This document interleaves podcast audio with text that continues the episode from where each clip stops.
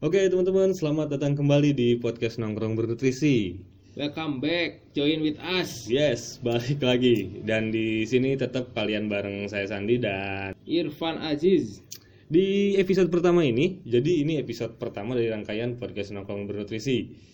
Episode pertama ini kita akan coba ulas sedikit tentang quarter life crisis atau Lebih banyak dikenal tuh QLC, kita gampangin aja deh. ya orang-orang lebih lebih banyak pahamnya QLC. Nah, jadi QLC ini apa sih, Kang? Pertama ini secara sederhana dan paling gampang, QLC ini tentang gelisah atau kegelisahan yang terjadi di orang-orang dengan usia itu sekitar 20 sampai 30 tahunan lah. Rata-ratanya di usia 20 sampai 30 tahun. Itu tuh pas banget kan orang-orang yang adik-adik emes baru lulus kuliah Ya. atau yang mungkin udah mendapatkan pekerjaan baru dapat kerja gitu kan itu tuh umur-umur awal-awal segitu Ya, dan kalaupun udah kerja kadang masih bingung gitu kan. Benar nggak sih ini kerjaan yang tepat buat kita gitu kan?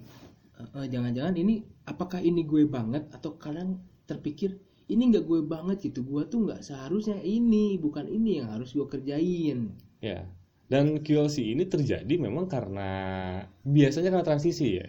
ya ini salah satunya tuh transisi dari tanggung jawab Ya, peralihan antara tanggung jawab dan kebebasan sebenarnya tuh. Jadi Mhm. ketika mungkin masa kuliah kita biasa tanggung jawab kita masih dipenuhi orang tua atau ketika ada hal-hal apa pun yang terjadi entah itu kerugian dalam arti psikis ataupun materi, kita masih bisa bergantung ke pundak orang tua ya atau pundak orang lain benar-benar itu lebih ke apa ya bahasa kerennya tuh?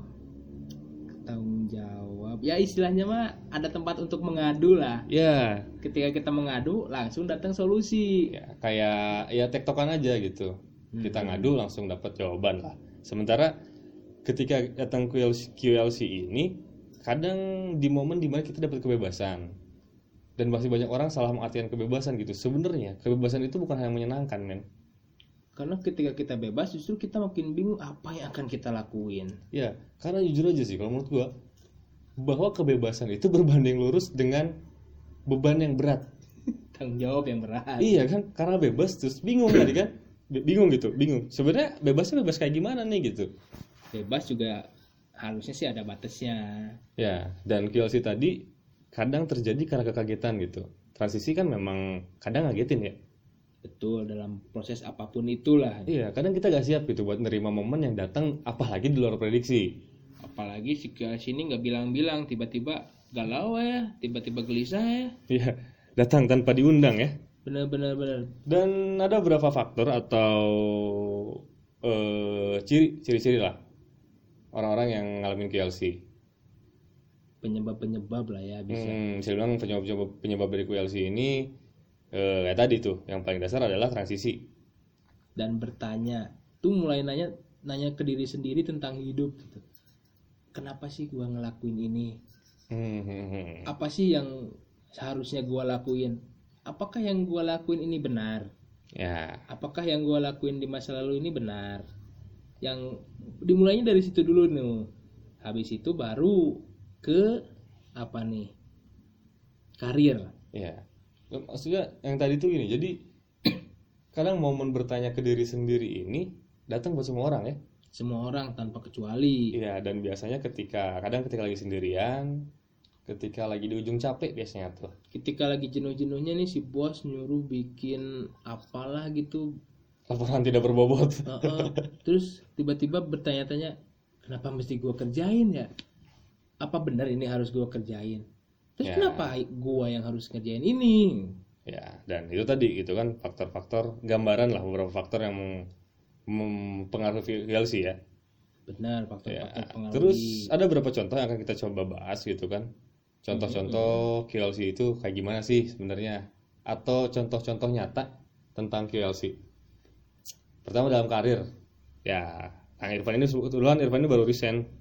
Jadi itu kan ada dilematik juga dalam situ, ada kegalauan juga dalam situ. kalau apa benar hal ini yang harus gua lakuin terus kalau gua resign apa yang akan gua kerjain ya kan? harus jelas dulu deh tujuannya Iya, dan kadang soal karir ini terjadi ke tadi kalau kalau kita bahas di rentan usia 20 sampai 30 atau 25 25 tahun gitu kan. Mhm. Berarti terjadi di masa peralihan dari kuliah ke lulus Tuh, atau lulus ke kerja gitu kan.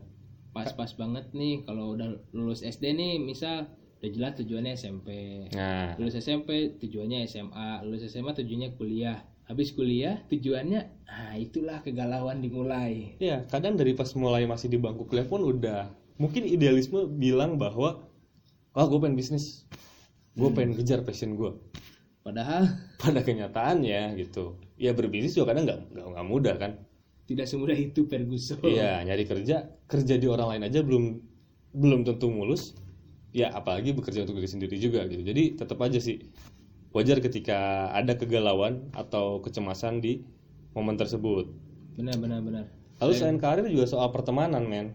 bisa tuh teman-teman yang dalam masa lalu kita deket banget istilahnya nongkrong tinggal ketuk pintu kamar sebelah karena kos bareng Ya, sekarang jauh kan oh dia kita merasa kehilangan ya. tapi ya, ya memang udah jalan ya, ya itu sesimpel. yang terjadi gitu.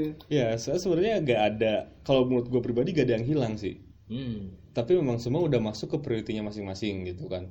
ya ya ya ketika bicara soal pertemanan ya kadang kita mempertanyakan gitu loh gue masih sering luangin waktu nih buat ngumpul kok yang lain enggak sih kenapa mereka tidak lakuin apa yang gue lakuin. Ya kadang seperti itu. Dan sebenarnya kalau pertemanan ini kita bahas lebih jauh jadinya QLC-nya habis dong.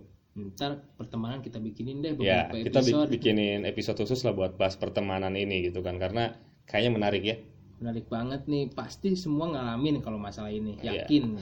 Terus, terus contoh selanjutnya itu adalah eh, kadang soal pilihan. Pilihan dalam artian tuh apa yang kita jalin hari ini dan apa yang akan tiba di masa yang akan datang dalam artian apa bener nih? Karir yang kita jalin hari ini tuh adalah karir terbaik kita untuk masa depan kita. Ataukah kita harus pindah ke tempat lain karena melihat benefit-benefit yang lebih? Ya kan itu jadi kegalauan juga kan? Jadi pertimbangan juga jadi kecemasan juga gitu. Atau yang yang terakhir mungkin bisa jadi soal pasangan juga kan apakah benar pacar kita sekarang apa yang akan kita nikahi nanti? Ya. Yang akan jadi teman sehidup semati? Ya itu kan sebenarnya masih ya ya menurutku sih masih masih pasti ada keraguan sih tetap nggak akan bulat 100% sesetia sesetianya juga tetap aja karena ada faktor-faktor lain yang mempengaruhi ya kan macam skripsi aja deh. Ya, ya manusia lah namanya juga ya. Jadi akan terlibat dalam kebimbangan dan keraguan. Nah bicara keraguan tadi gitu kan Mhm. itu adalah salah satu bagian dari dampak yang dihadirkan oleh koalisi. Dalam artian gini ketika koalisi datang Mhm. dampak yang hadir itu salah satunya keraguan men. Berarti masih banyak dong yang lain? Yoi. Apa tuh? Kayak kecemasan. Kecemasan. Ya kekhawatiran. Kekhawatiran. Ketakutan. Ketakutan akan masa depan kali ya? Iya, keraguan, kekhawatiran. Itu kayak kayak hal-hal yang sifatnya psikis kan dari dalam diri sendiri gitu maksudnya tuh. fisik terlihat baik-baik saja Iya, tapi dalamnya hati siapa yang tahu? lagi ngelamun ya kan kalau gua gini nanti masa depan gua gimana kita nggak tahu Ya, dan sebenarnya ketika momen-momen itu hadir kayak tadi Mhm. tentang QLC yang nggak tentang mulai bertanya tentang kepada diri sendiri, Mhm. mulai datang keraguan, ketakutan, kecemasan, kekhawatiran tentang variabel-variabel tadi ya, kayak Ya. karir lah, pasangan lah, teman lah, atau pilihan hidup kita. Cara ngerespon atau cara menanggapinya itu sebenarnya jalani aja jalan aja, iya kan? jalani nikmati resapi Ya dan eh, terima, terima jatah dan momennya menurut gua. ya oh ini yang mesti dibahas tuh maksudnya memang sih dari awal kan kita bilang nih bahwa QLC ini terjadi di antara 20 sampai 30 Ya, tapi ya siapa yang dapat duluan dan dapat apa duluan ya kita semua nggak tahu ya, itu beda porsi kadang kan. ada yang lulus kuliahnya umur 21 udah S1 terus di compare dengan teman yang lain yang 24 lah baru lulus S1 kan berarti yang 21 ketika dia umur 22 dia udah galau kerja dong Ya, ada momen yang beda. ada momen beda terus kayaknya nih QS ini ada yang berulang loh hati-hati entah Ya, mungkin gak datang sekali gitu. Bisa datang berkali-kali dalam momen yang beda, dalam case yang beda. tapi sejenis-jenis gitu kan. Iya, karena itu kan terjadi di rentan usia 20 sampai 30 tahun kan? 10 tahun lah kita katakan ya makanya QLC karena Ya. ketika lewat 30 ke 40 itu ada lagi midlife crisis ya sebetulnya nantilah kita bahas itu karena QLC nya belum lulus. Iya QLC aja kita juga masih mikir ini. Benar benar benar.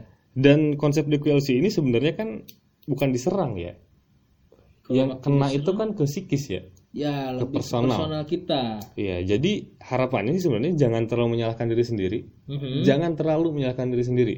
kalau sesekali nggak apa-apa Iya, kan buat ngaca.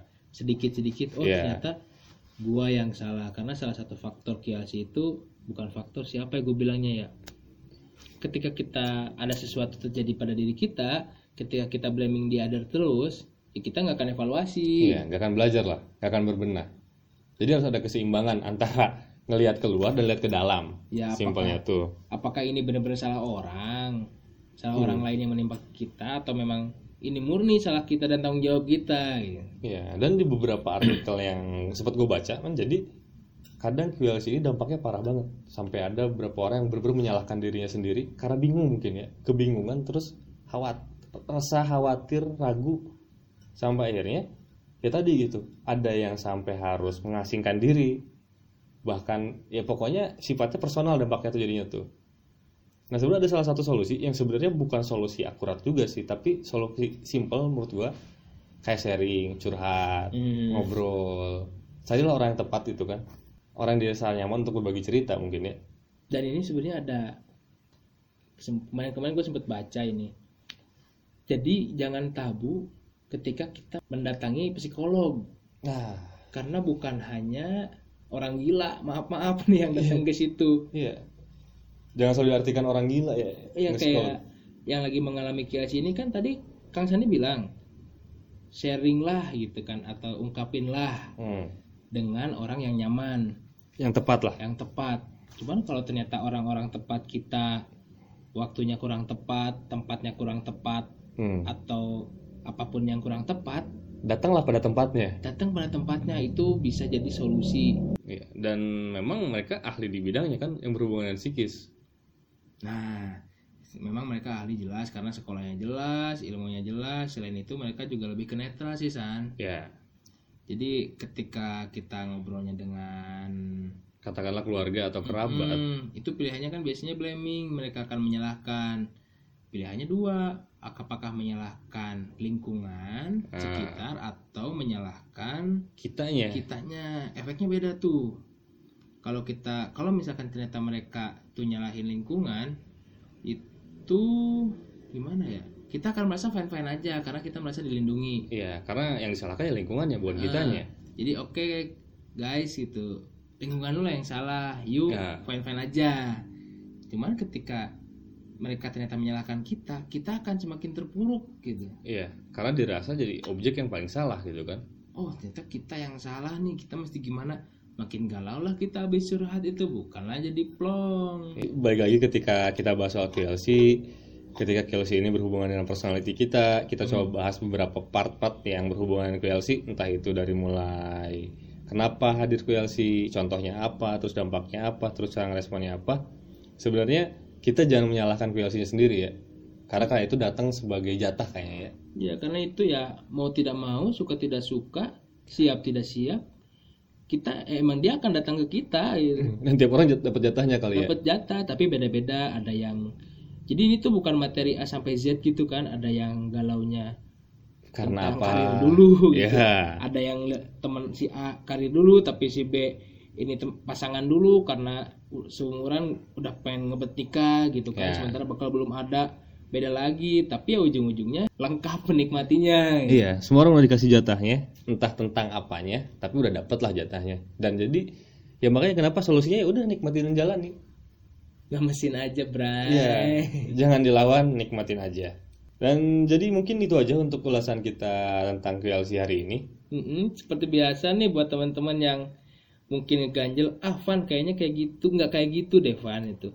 Silahkan Tentunya di kita komentarnya. feel free ya kan, Ya, komentar atau mungkin, eh Van kayaknya minggu depan lu bahas ini dulu deh, gitu bisa di request. ya, gampang. Kita sangat terbuka karena tujuan kita adalah berbagi cerita dan berbagi obrolan. Berharap ada nutrisi dari obrolan kita.